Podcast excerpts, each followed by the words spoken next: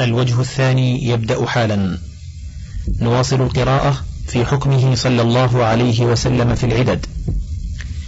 فإن قلتم هذا حكم يتعدى إلى الرجال فيستوي النساء معهم فيه. قيل ويتعدى حكم العدة مثله إلى الرجال فيجب أن يستوي النساء معهم فيه وهذا لا خفاء به. ثم يرجح قول الرجال في هذه المسألة بأن رسول الله صلى الله عليه وسلم شهد لواحد من هذا الحزب بأن الله ضرب الحق على لسانه وقلبه وقد وافق ربه تبارك وتعالى في عدة مواضع قال فيها قولا فنزل القرآن بمثل ما قال. وأعطاه النبي صلى الله عليه وسلم فضل إنائه في النوم وأوله بالعلم وشهد له بأنه محدث ملهم. فإذا لم يكن بد من التقليد فتقليده أولى. وإن كانت الحجة هي التي تفصل بين المتنازعين فتحكيمها هو الواجب. قولكم إن من قال إن الأقراء الحيض لا يقولون بقول علي وابن مسعود ولا بقول عائشة فإن عليا يقول هو أحق برجعتها ما لم تغتسل وأنتم لا تقولون بواحد من القولين فهذا غايته أن يكون تناقضا ممن لا يقول بذلك كأصحاب أبي حنيفة. وتلك شكاة ظاهر عنك عارها كمن يقول بقول علي. وهو الإمام أحمد وأصحابه كما تقدم حكاية ذلك. فإن العدة تبقى عنده إلى أن تغتسل كما قاله علي ومن وافقه. ونحن نعتذر عمن يقول الأقراء الحيض في ذلك ولا يقول هو أحق بها ما لم تغتسل فإنه وافق من يقول الأقراء الحيض وخالفه في توقف انقضائها على الغسل لمعارض أوجب له مخالفته كما يفعله سائر الفقهاء. ولو ذهبنا نعد ما تصرفتم فيه هذا التصرف بعينه فإن كان هذا المعارض صحيحا لم يكن تناقضا منهم وإن لم يكن صحيحا لم يكن ضعف قولهم في إحدى المسألتين عندهم بمانع لهم من موافقتهم لهم في المسألة الأخرى. فإن موافقة أكابر الصحابة وفيهم من فيهم من الخلفاء الراشدين في معظم قولهم خير وأولى من مخالفتهم في قولهم جميعه وإلغائه بحيث لا يعتبر البتة. قالوا ثم لم نخالفهم في توقف انقضائها على الغسل بل قلنا لا تنقضي حتى تغتسل أو يمضي عليها وقت صلاة. فوافقناهم في قولهم بالغسل وزدنا عليهم انقضاءها بمضي وقت الصلاة لأنها صارت في حكم الطاهرات بيمين استقرار الصلاة في ذمتها. فإن المخالفة الصريحة للخلفاء الراشدين رضوان الله عليهم. وقولكم لا نجد في كتاب الله للغسل معنى. فيقال كتاب الله تعالى لم يتعرض للغسل بنفي ولا إثبات. وإنما علق الحل والبينونة بانقضاء بانقضاء الأجل. وقد اختلف السلف والخلف فيما ينقضي به الأجل. فقيل بانقطاع الحيض وقيل بالغسل أو مضي صلاة أو انقطاعه لأكثره. وقيل بالطعن في الحيضة الثالثة. وحجة من وقفه على الغسل قضاء الخلفاء الراشدين. قال الإمام أحمد عمر وعلي وابن مسعود يقولون حتى تغتسل من الحيضة الثالثة. قالوا وهم أعلم بكتاب الله وحدود ما أنزل على رسوله. وقد روي هذا المذهب عن أبي بكر الصديق وعثمان بن عفان وأبي موسى وعبادة وأبي الدرداء. حكاه صاحب المغني وغيره عنهم. ومنها هنا قيل إن مذهب الصديق ومن ذكر معه أن الأقراء الحيض. قالوا وهذا القول له حظ وافر من الفقه فإن المرأة إذا انقطع حيضها صارت في حكم الطاهرات من وجه وفي حكم الحيض من وجه والوجوه التي هي فيها في حكم الحيض أكثر من الوجوه التي هي فيها في حكم الطاهرات. فإنها في حكم الطاهرات في صحة الصيام ووجوب الصلاة وفي حكم الحيض في تحريم قراءة القرآن عند حرمه على الحائل واللبث في المسجد والطواف بالبيت وتحريم الوطء وتحريم الطلاق في أحد القولين فاحتاط الخلفاء الراشدون وأكابر الصحابة للنكاح ولم يخرجوها منه بعد ثبوته إلا بقيد لا ريب فيه وهو ثبوت حكم الطاهرات في حقها من كل وجه إزالة لليقين بيقين مثله. إذ ليس جعلها حائضا في تلك الأحكام أولى من جعلها حائضا في بقاء الزوجية وثبوت الرجعة. وهذا من أدق الفقه وألطفه مأخذا.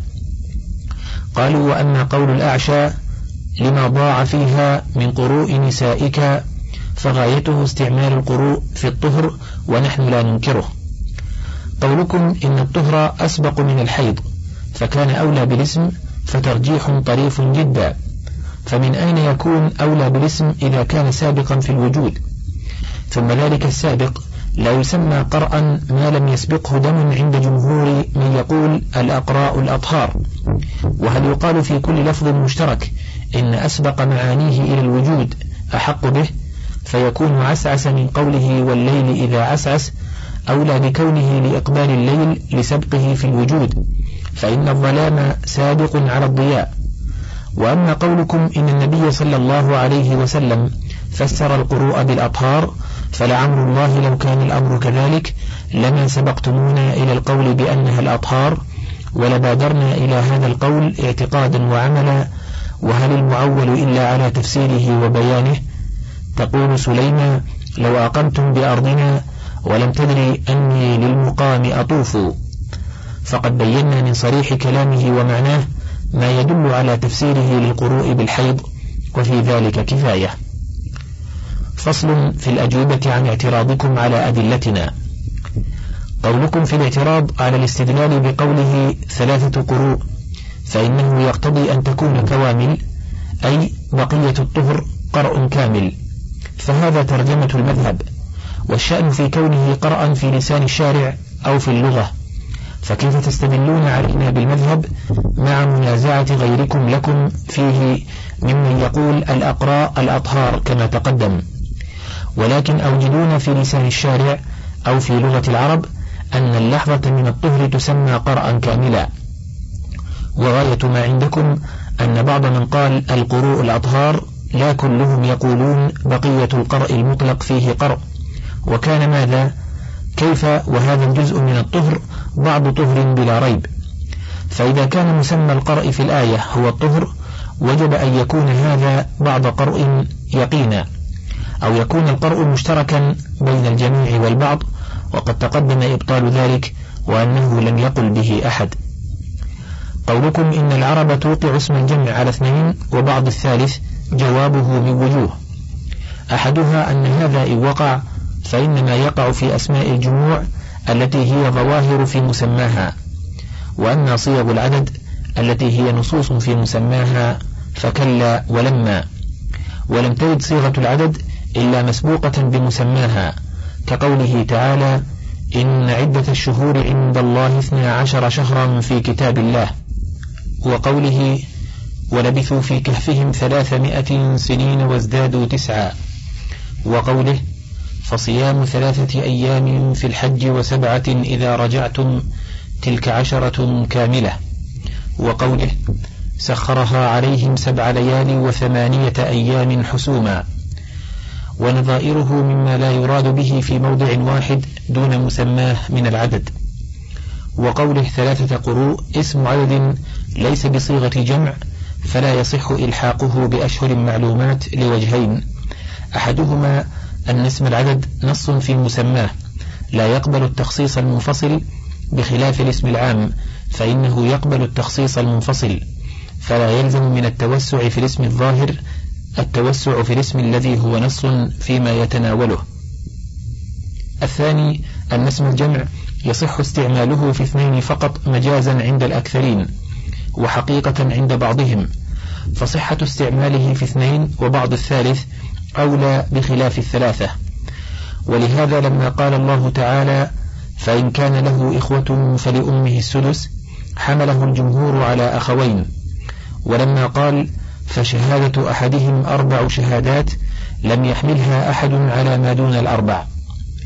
والجواب الثاني أنه وإن صح استعمال الجمع في اثنين وبعض الثالث إلا أنه مجاز والحقيقة أن يكون المعنى على وفق اللفظ وإذا دار اللفظ بين حقيقته ومجازه فالحقيقة أولى به. الجواب الثالث أنه إنما جاء استعمال الجمع في اثنين وبعض الثالث في أسماء الأيام والشهور والأعوام خاصة لأن التاريخ إنما يكون في أثناء هذه الأزمنة. فتارة يدخلون السنة الناقصة في التاريخ وتارة لا يدخلونها.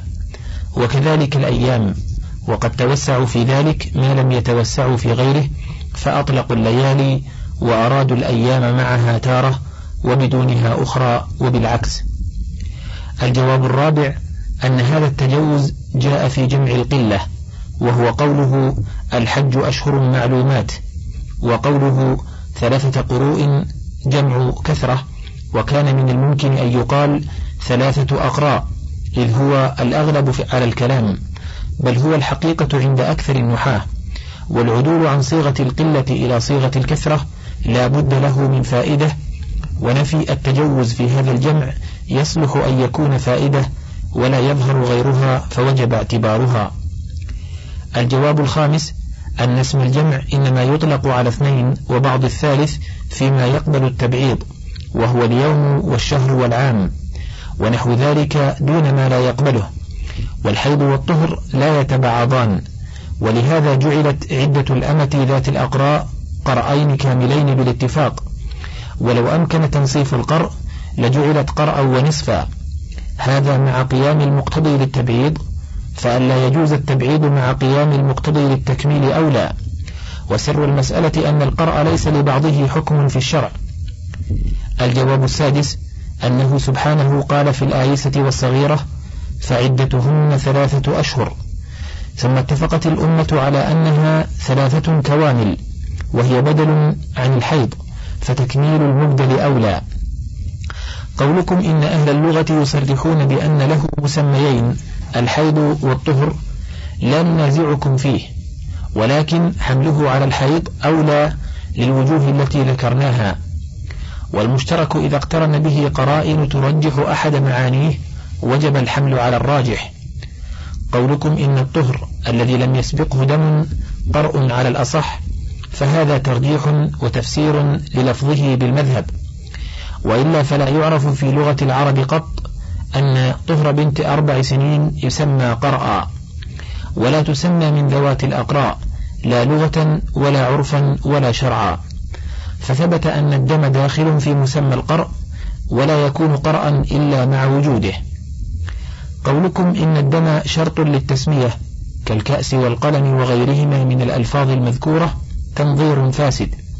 فإن مسمى تلك الألفاظ حقيقة واحدة مشروطة بشروط والقرء مشترك بين الطهر والحيض يقال على كل منهما حقيقة فالحيض مسماه حقيقة لا أنه شرط في استعماله في أحد مسمييه فافترقا. قولكم لم يجئ في لسان الشارع للحيض قلنا قد بينا مجيئه في كلامه للحيض بل لم يجئ في كلامه للطهر البتة في موضع واحد.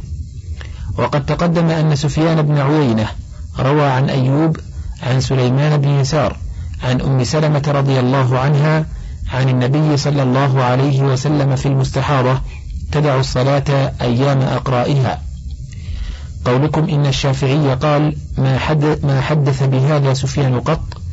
جوابه أن الشافعي لم يسمع سفيان يحدث به فقال بموجب ما سمعه من سفيان أو عنه من قوله لتنظر عوض الليالي والأيام التي كانت تحيدهن من الشهر.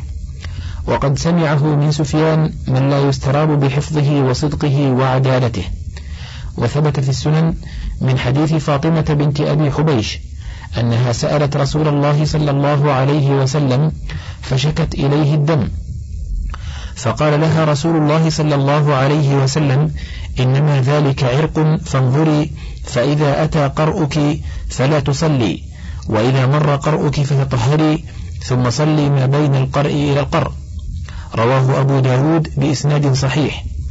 فذكر فيه لفظ القرء أربع مرات في كل ذلك يريد به الحيض للطهر وكذلك إسناد الذي قبله وقد صححه جماعة من الحفاظ.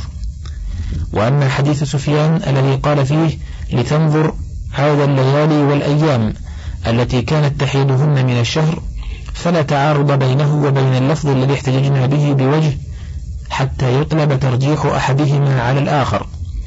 بل أحد اللفظين يجري من الآخر مجرى التفسير والبيان.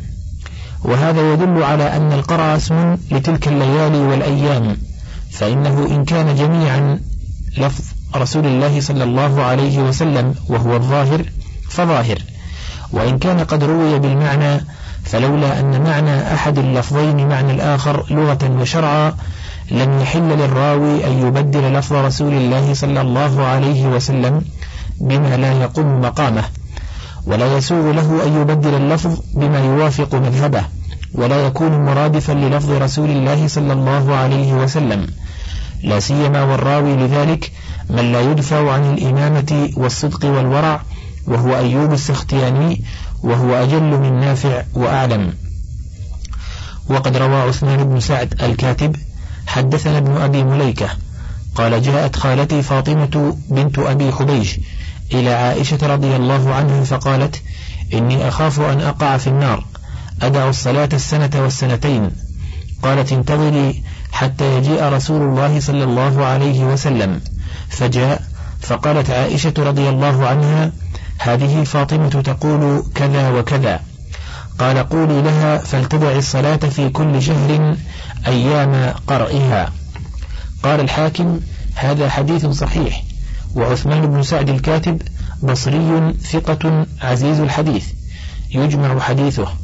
قال البيهقي وتكلم فيه غير واحد. وفيه أنه تابعه الحجاج بن أرطاه عن ابن أبي مليكة عن عائشة رضي الله عنها.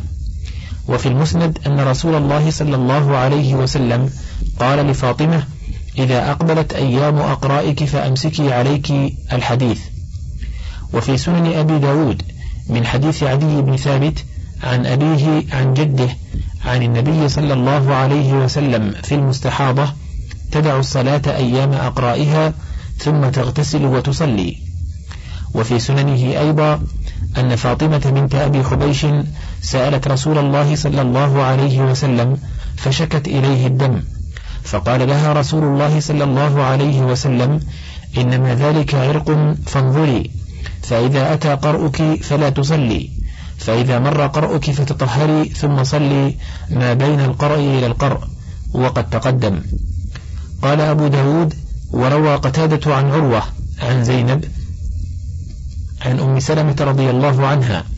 أن أم حبيبة بنت جحش رضي الله عنها استحيضت فأمرها النبي صلى الله عليه وسلم أن تدع الصلاة أيام أقرائها. وتعليل هذه الأحاديث بأن هذا من تغيير الرواة رووه بالمعنى لا يلتفت إليه ولا يعرج عليه. فلو كانت من جانب من عللها لأعاد ذكرها وأبداه وشنع على من خالفها.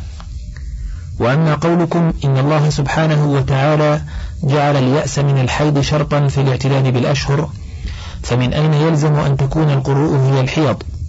قلنا لأنه جعل الأشهر الثلاثة بدلا من الأقراء الثلاثة وقال واللائي يئسن من المحيض من نسائكم فنقلهن إلى الأشهر عند تعذر مدبلهن وهو الحيض فدل على أن الأشهر بدل عن الحيض الذي يئسن منه لا عن الطهر وهذا واضح. قولكم حديث عائشة رضي الله عنها معلول بمظاهر ابن أسلم ومخالفة عائشة له فنحن إنما احتجنا عليكم بما استدللتم به علينا في كون الطلاق بالنساء لا بالرجال. فكل من صنف من أصنافكم من أصحابكم في طريق الخلاف. أو استدل على أن طلاق العبد طلقتان احتج علينا بهذا الحديث. وقال جعل النبي صلى الله عليه وسلم طلاق العبد تطليقتين فاعتبر الطلاق بالرجال لا بالنساء واعتبر العدة بالنساء فقال وعدة الأمة حيضتان فيا سبحان الله يكون الحديث سليم من العلل إذا كان حجة لكم فإذا احتج به منازعوكم عليكم اعتبرته العلل المختلفة فما أشبهه بقول القائل يكون أجاجا دونكم فإذا انتهى إليكم تلقى نشركم فيطيب.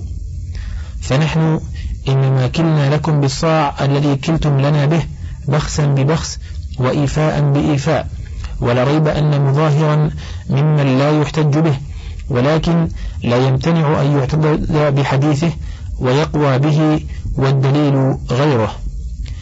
وأما تعليله بخلاف عائشة رضي الله عنها له فأين ذلك من تقريركم أن مخالفة الراوي لا توجب رد حديثه وأن الاعتبار بما رواه لا بما رآه؟ وتكثركم من الأمثلة التي أخذ الناس فيها بالرواية دون مخالفة راويها لها كما أخذوا برواية ابن عباس المتضمنة لبقاء النكاح مع بيع الزوجة وتركوا رأيه بأن بيع الأمة طلاقها وغير ذلك. وأما ردكم لحديث ابن عمر رضي الله عنه طلاق الأمة طلقتان وقرؤها حيضتان بعطية العوفي فهو إن ضعفه أكثر أهل الحديث فقد احتمل الناس حديثه وخرجوه في السنن وقال يحيى بن معين في رواية عباس الدوري عنه صالح الحديث. وقال أبو أحمد بن عدي رحمه الله روى عنه جماعة من الثقات وهو مع ضعفه يكتب حديثه فيعتضد به وإن لم يعتمد عليه وحده وإن لم يعتمد عليه وحده.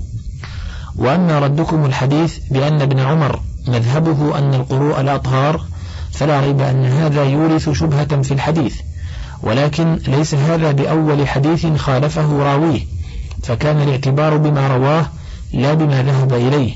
وهذا هو الجواب عن ردكم لحديث عائشة رضي الله عنها بمذهبها ولا يعترض على الأحاديث بمخالفة الرواة لها.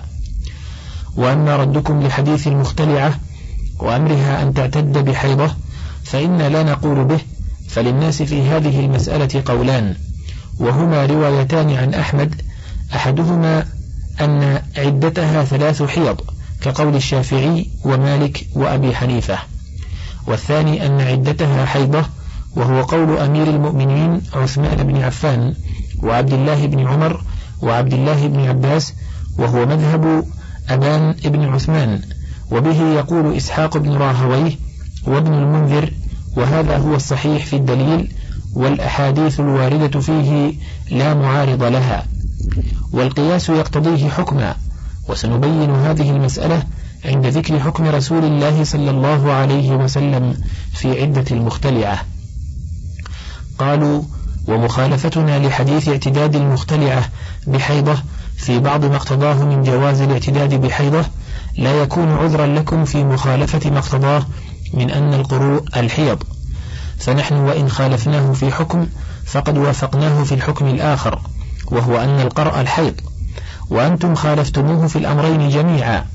هذا مع أن من يقول الأقراء الحيض ويقول المختلعة تعتد بحيضة قد سلم من هذه المطالبة فماذا تردون به قوله؟ وأما قولكم في الفرق بين الاستبراء والعدة إن العدة وجبت قضاء لحق الزوج فاختصت بزمان حقه كلام لا تحقيق وراءه فإن حقه في جنس الاستمتاع في زمن الحيض والطهر وليس حقه مختصا بزمن الطهر ولا العدة مختصة بزمن الطهر دون الحيض. وكلا الوقتين محسوب من العدة. وعدم تكرر الاستبراء لا يمنع أن يكون طهرا محتوشا بدمين كقرء المطلقة. فتبين أن الفرق غير طائل. قولكم إن انضمام قرأين إلى الطهر الذي جامع فيه يجعله علما. جوابه أن هذا يفضي إلى أن تكون العدة قرأين حسب فإن ذلك الذي جامع فيه لا دلالة له على البراءة البتة وإنما الدال القرآن بعده وهذا خلاف موجب النص وهذا لا يلزم من جعل الأقراء الحيض فإن الحيضة وحدها علم ولهذا اكتفي بها في استبراء الإماء قولكم إن القرأ هو الجمع والحيض يجتمع في زمان الطهر فقد تقدم جوابه وأن ذلك في المعتل لا في المهوز قولكم دخول التاء في ثلاثة يدل على أن واحدها مذكر وهو الطهر. جوابه أن واحد القروء قرء وهو مذكر فأتى بالتاء مراعاة للفظه وإن كان مسماه حيضة وهذا كما يقال جاءني ثلاثة أنفس وهن نساء باعتبار اللفظ والله أعلم. فصل. وقد احتج بعموم آيات العدد الثلاث من يرى أن عدة الحرة والأمة سواء. قال أبو محمد ابن حزم وعدة الأمة المتزوجة من الطلاق والوفاة كعدة الحرة سواء بسواء. ولا فرق لأن الله تعالى علمنا العدد في الكتاب فقال والمطلقات يتربصن بأنفسهن ثلاثة قروء. وقال والذين يتوفون منكم ويذرون أزواجا يتربصن بأنفسهن أربعة أشهر وعشرا. وقال الله تعالى واللائي يئسن من المحيض من نسائكم إن ارتبتم فعدتهن ثلاثة أشهر واللائي لم يحضن وأولاة الأحمال أجلهن أن يضعن حملهن. وقد علم الله تعالى إذ أباح لنا زواج الإماء أنه يكون عليهن العدد المذكورات وما فرق عز وجل بين حرة ولا أمة في ذلك وما كان ربك نسيا. وثبت عن من سلف مثل قولنا. قال محمد بن سيرين رحمه الله ما أرى عدة الأمة إلا كعدة الحرة إلا أن يكون مضت في ذلك سنة فالسنة أحق أن تتبع. قال وقد ذكر أحمد بن حنبل أن قول مكحول إن عدة الأمة في كل شيء كعدة الحرة وهو قول أبي سليمان وجميع أصحابنا هذا كلامه وقد خالفهم في ذلك جمهور الأمة. فقالوا عدتها نصف عدة الحرة. هذا قول فقهاء المدينة سعيد بن المسيب والقاسم وسالم وزيد بن أسلم وعبد الله بن عتبة والزهري ومالك وفقهاء أهل مكة كعطاء بن أبي رباح ومسلم بن خالد وغيرهما. وفقهاء البصرة كقتادة وفقهاء الكوفة كالثوري وأبي حنيفة وأصحابه رحمهم الله وفقهاء الحديث كأحمد وإسحاق والشافعي وأبي ثور رحمهم الله وغيرهم. وسلفهم في ذلك الخليفتان الراشدان عمر بن الخطاب وعلي بن أبي طالب رضي الله عنهما.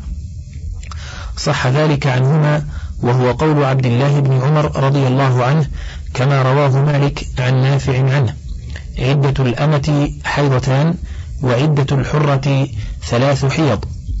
وهو قول زيد بن ثابت كما رواه الزهري عن قبيصة بن ذؤيب عن زيد بن ثابت عدة الأمة حيضتان وعدة الحرة ثلاث حيض. وروى حماد بن زيد عن عمرو بن أوس الثقفي أن عمر بن الخطاب رضي الله عنه قال لو استطعت أن أجعل عدة الأمة حيضة ونصفا لفعلت. فقال له رجل يا أمير المؤمنين فاجعلها شهرا ونصفا. وقال عبد الرزاق حدثنا ابن جريج أخبرني أبو الزبير أنه سمع جابر بن عبد الله يقول جعل لها عمر رضي الله عنه حيضتين يعني الأمة المطلقة. وروى عبد الرزاق أيضا عن ابن عيينة عن محمد بن عبد الرحمن عن سليمان بن يسار عن عبد الله بن عتبة بن مسعود عن عمر رضي الله عنه. ينكح العبد اثنتين ويطلق تطليقتين وتعتد الأمة حيضتين فإن لم تحض فشهرين أو قال فشهرا ونصفا. وذكر عبد الرزاق أيضا عن معمر عن المغيرة عن إبراهيم النخعي عن ابن مسعود قال يكون عليها نصف العذاب ولا يكون لها نصف الرخصة. وقال ابن وهب أخبرني رجال من أهل العلم أن نافعا وابن قسيط ويحيى بن سعيد وربيعة وغير واحد من أصحاب رسول الله صلى الله عليه وسلم والتابعين قالوا عدة الأمة حيضتان. قالوا ولم يزل هذا عمل المسلمين. قال ابن وهب أخبرني هشام بن سعد عن القاسم بن محمد بن أبي بكر الصديق رضي الله عنهم قال عدة الأمة حيضتان. قال القاسم مع أن هذا ليس في كتاب الله عز وجل ولا نعلمه سنة عن رسول الله صلى الله عليه وسلم. ولكن قد مضى أمر الناس على هذا وقد تقدم هذا الحديث بعينه وقول القاسم وسالم فيه لرسول الأمير قل له إن هذا ليس في كتاب الله ولا سنة رسول الله صلى الله عليه وسلم ولكن عمل به المسلمون. قالوا ولو لم يكن في المسألة إلا قول عمر وابن مسعود وزيد بن ثابت وعبد الله بن عمر لكفى به.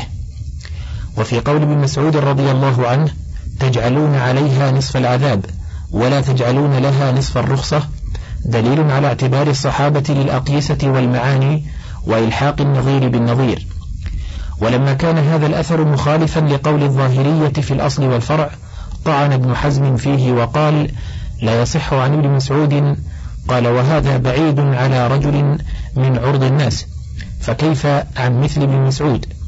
وإنما جرأه على الطعن فيه أنه من رواية إبراهيم النخعي عنه رواه عبد الرزاق عن معمر عن المغيرة عن إبراهيم. وإبراهيم لم يسمع من عبد الله ولكن الواسطة بينه وبينه أصحاب عبد الله كعلقمة ونحوه. وقد قال إبراهيم إذا قلت قال عبد الله فقد حدثني به غير واحد عنه. وإذا قلت قال فلان عنه فهو عمن سميت.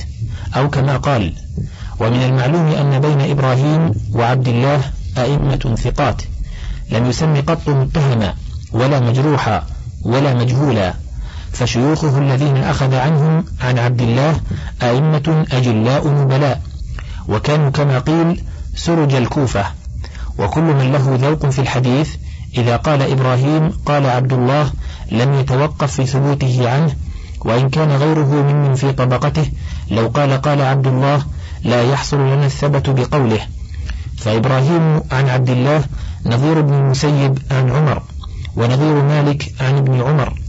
فإن الوسائط بين هؤلاء وبين الصحابة رضي الله عنهم إذا سموهم وجدوا من أجل الناس وأوثقهم وأصدقهم ولا يسمون سواهم البتة. ودعي ابن مسعود في هذه المسألة فكيف يخالف عمر وزيدا وابن عمر وهم أعلم بكتاب الله وسنة رسوله؟ ويخالف عمل المسلمين لا إلى قول صاحب البتة ولا إلى حديث صحيح ولا حسن بل إلى عموم أمره ليس هو مما تخفى دلالته ولا موضعه حتى يظفر به الواحد والاثنان دون سائر الناس هذا من أبين المحال. ولو ذهبنا نذكر الآثار عن التابعين بتنصيف عدة الأمة لطالت جدا. ثم إذا تأملت سياق الآيات التي فيها ذكر العدد وجدتها لا تتناولها فإنه سبحانه قال والمطلقات يتربصن بأنفسهن ثلاثة قروء ولا يحل لهن أن يكتمن ما خلق الله في أرحامهن إن كن يؤمن بالله واليوم الآخر وبعولتهن أحق بردهن في ذلك إن أرادوا إصلاحا ولهن مثل الذي عليهن بالمعروف. إلى أن قال ولا يحل لكم أن تأخذوا مما آتيتموهن شيئا إلا أن يخافا إلا أن يخافا ألا يقيما حدود الله فإن خفتم ألا يقيما حدود الله فلا جناح عليهما فيما افتدت به. وهذا في حق الحرائر دون الإماء فإن افتداء الأمة إلى سيدها لا إليها. ثم قال فإن طلقها فلا تحل له من بعد حتى تنكح زوجا غيره فإن طلقها فلا جناح عليهما أن يتراجعا. فجعل ذلك إليهما والتراجع المذكور في حق الأمة وهو العقد إنما هو إلى سيدها لا إليها بخلاف الحرة فإنه إليها بإذن وليها. وكذلك قوله سبحانه في عدة الوفاة والذين يتوفون منكم ويذرون أزواجا يتربصن بأنفسهن أربعة أشهر وعشرا فإذا بلغن أجلهن فلا جناح عليكم فيما فعلن في أنفسهن بالمعروف. وهذا إنما هو في حق الحرة وأما الأمة فلا فعل لها في نفسها البتة. فهذا في العدة الأصلية. وأما عدة الأشهر ففرع وبدل. وأما عدة وضع الحمل فيستويان فيها كما ذهب إليه أصحاب رسول الله صلى الله عليه وسلم والتابعون وعمل به المسلمون وهو محض الفقه وموافق لكتاب الله في تنصيف الحد عليها. ولا يعرف في الصحابة مخالف في ذلك. وفهم أصحاب رسول الله صلى الله عليه وسلم أولى من فهم من شذ عنهم من المتأخرين وبالله التوفيق. ولا تعرف التسوية بين الحرة والأمة في العدة عن أحد من السلف إلا عن محمد بن سيرين ومكحول. فأما ابن سيرين فلم يجزم بذلك وأخبر به عن رأيه وعلق القول به على عدم سنة تتبع وأما قول مكحول فلم يذكر له سندا وإنما حكاه عنه أحمد رحمه الله وهو لا يقبل عند أهل الظاهر ولا يصح فلم يبق معكم أحد من السلف إلا رأي ابن سيرين وحده المعلق على عدم سنة متبعة ولا ريب أن سنة عمر بن الخطاب رضي الله عنه في ذلك متبعة. ولم يخالفه في ذلك أحد من الصحابة رضي الله عنهم والله أعلم. فإن قيل كيف تدعون إجماع الصحابة وجماهير الأمة وقد صح عن عمر بن الخطاب رضي الله عنه أن عدة الأمة التي لم تبلغ ثلاثة أشهر. وصح ذلك عن عمر بن عبد العزيز ومجاهد والحسن وربيعة والليث بن سعد والزهري وبكر بن الأشج ومالك وأصحابه وأحمد بن حنبل في إحدى الروايات عنه. ومعلوم أن الأشهر في حق الآيسة والصغيرة بدل عن الأقراء الثلاث فدل على أن بدلها في حقها ثلاثة. فالجواب أن القائلين بهذا هم بأنفسهم القائلون إن عدتها حيضتان وقد أفتوا بهذا. وهذا ولهم في الاعتداد بالأشهر ثلاثة أقوال. وهي للشافعي وهي ثلاث روايات عن أحمد فأكثر الروايات عنه أنها شهران. رواه عنه جماعة من أصحابه وهو إحدى الروايتين عن عمر بن الخطاب رضي الله عنه ذكرها الأثرم وغيره عنه. وحجة هذا القول أن عدتها بالأقراء حيضتان فجعل كل شهر مكان حيضة. والقول الثاني أن عدتها شهر ونصف نقلها عنه الأثرم والميموني. وهذا قول علي بن أبي طالب وابن عمر وابن المسيب وأبي حنيفة والشافعي في أحد أقواله. وحجته أن التنصيف في الأشهر ممكن فتنصفت بخلاف القروء. ونظير هذا أن المحرم إذا وجب عليه في جزاء الصيد نصف مد أخرجه فإن أراد الصيام مكانه لم يجزه إلا صوم يوم كامل. والقول الثالث أن عدتها ثلاثة أشهر كوامل وهو إحدى الروايتين عن عمر رضي الله عنه وقول ثالث للشافعي وهو في من ذكرتموه. والفرق عند هؤلاء بين اعتدادها بالأقراء وبين اعتدادها بالشهور أن الاعتبار بالشهور للعلم ببراءة رحمها وهو لا يحصل بدون ثلاثة أشهر في حق الحرة والأمة جميعا لأن الحمل يكون نطفة أربعين يوما. ثم علقة أربعين ثم مضغة أربعين وهو الطور الثالث الذي يمكن أن يظهر فيه الحمل وهو بالنسبة إلى الحرة والأمة سواء بخلاف الأقراء فإن الحيضة الواحدة علم ظاهر على الاستبراء ولهذا اكتفي بها في حق المملوكة فإذا زوجت فقد أخذت شبها من الحرائر وصارت أشرف من ملك اليمين فجعلت عدتها بين العدتين. قال الشيخ في المغني ومن رد هذا القول قال هو مخالف لإجماع الصحابة لأنهم اختلفوا على القولين الأولين ومتى اختلفوا على قولين لم يجز إحداث قول ثالث لأنه يفضي إلى تخطئتهم وخروج الحق عن قول جميعهم. قلت وليس في هذا إحداث قول ثالث بل هو إحدى الروايتين عن عمر ذكرها ابن وهب وغيره وقال به من التابعين من ذكرناهم وغيرهم. فصل. وأما عدة الآيسة والتي لم تحض فقد بينها سبحانه في كتابه فقال واللائي يئسن من المحيض من نسائكم إن ارتبتم فعدتهن ثلاثة أشهر واللائي لم يحضن.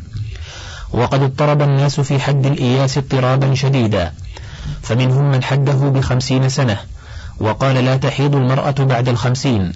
وهذا قول إسحاق ورواية عن أحمد رحمه الله.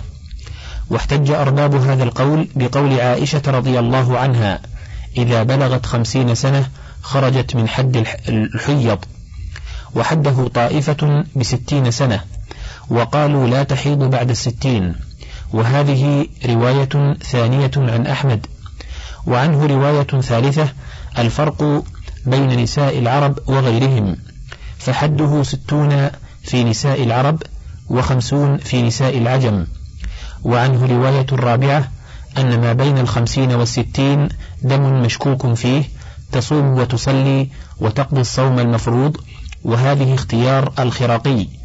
وعنه رواية خامسة أن الدم إن عاود بعد الخمسين وتكرر فهو حيض وإلا فلا. وأما الشافعي رحمه الله فلا نص له في تقدير الإياس بمدة وله قولان بعد. أحدهما أنه يعرف بيأس أقاربها والثاني أنه يعتبر بيأس جميع النساء. فعلى القول الأول هل المعتبر جميع أقاربها أو نساء عصباتها أو نساء بلدها خاصة؟ فيه ثلاثة أوجه. ثم إذا قيل يعتبر بالأقارب فاختلفت عادتهن. فهل يعتبر بأقل عادة منهن أو بأكثرهن عادة؟ أو بأقصر امرأة في العالم عادة على ثلاثة أوجه. والقول الثاني للشافعي رحمه الله أن المعتبر جميع النساء ثم اختلف أصحابه هل لذلك حد أم لا. على وجهين أحدهما ليس له حد وهو ظاهر نصه والثاني له حد ثم اختلفوا فيه على وجهين أحدهما أنه ستون سنة قاله أبو العباس ابن القاص والشيخ أبو حامد والثاني اثنتان وستون سنة. قاله الشيخ أبو إسحاق في المهذب وابن الصباغ في الشامل. وأما أصحاب مالك رحمه الله فلم يحدوا سن الإياس بحد البتة. وقال آخرون منهم شيخ الإسلام ابن تيمية اليأس يختلف باختلاف النساء وليس له حد يتفق فيه النساء. والمراد بالآية أن يأس كل امرأة من نفسها. لأن اليأس ضد الرجاء. فإذا كانت المرأة قد يئست من الحيض ولم ترجه فهي آيسة وإن كان لها أربعون أو نحوها. وغيرهم لا تيأس منه وإن كان لها خمسون. وقد ذكر الزبير ابن بكار أن بعضهم قال لا تلد لخمسين سنة إلا عربية ولا تلد لستين سنة إلا قرشية. وقال إن هند بنت أبي عبيدة ابن عبد الله بن ربيعة ولدت موسى ابن عبد الله بن حسن ابن حسن ابن علي ابن أبي طالب رضي الله عنهم ولها ستون سنة. وقد صح عن عمر بن الخطاب رضي الله عنه في امرأة طلقت فحاضت حيضة أو حيضتين ثم يرتفع حيضها.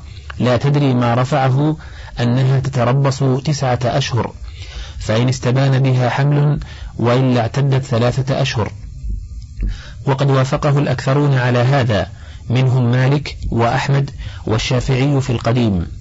قالوا تتربص غالب مدة الحمل ثم تعتد عدة الآيسة ثم تحل للأزواج ولو كانت بنت ثلاثين سنة أو أربعين. وهذا يقتضي أن عمر بن الخطاب رضي الله عنه ومن وافقه من السلف والخلف تكون المرأة آيسة عندهم قبل الخمسين وقبل الأربعين وأن اليأس عندهم ليس وقتا محدودا للنساء بل مثل هذا تكون آيسة وإن كانت بنت ثلاثين وغيرها لا تكون آيسة وإن بلغت خمسين. وإذا كانوا في من ارتفع حيضها ولا تدري ما رفعه جعلوها آيسة بعد تسعة أشهر. فالتي تدري ما رفعه إما بدواء يعلم أنه لا يعود معه وإما بعادة مستقرة مع أهلها وأقاربها أولى أن تكون آيسة وإن لم تبلغ الخمسين. وهذا بخلاف ما إذا ارتفع لمرض أو رضاع أو حمل فإن هذه ليست آيسة فإن ذلك يزول. انتهى الشريط السابع والخمسون من كتاب زاد المعاد وله بقية على الشريط الثامن والخمسين.